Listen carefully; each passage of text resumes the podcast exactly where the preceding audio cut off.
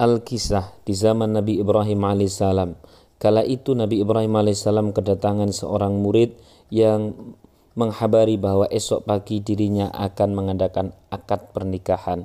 Kemudian murid pun itu pulang dan sejurus kemudian datanglah malaikat Jibril memberikan kabar bahwa murid yang baru saja datang itu dirinya hidupnya tidak akan sampai besok pagi sebab malam itu adalah malam terakhir alias akan diwafatkan oleh Allah. Namun ternyata di keesokan paginya Nabi Ibrahim bisa mendatangi akad nikah si pria tadi. Bahkan pria tadi itu bisa berumur sampai 80 tahun kemudian.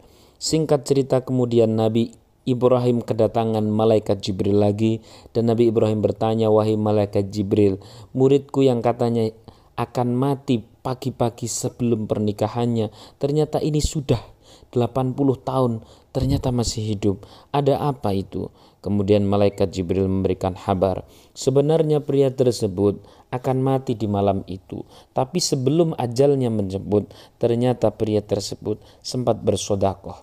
Yang sehingga dengan sodakoh itu Allah ridho, maka dengan itu Allah memanjangkan umur pria tersebut hingga sampai sekarang.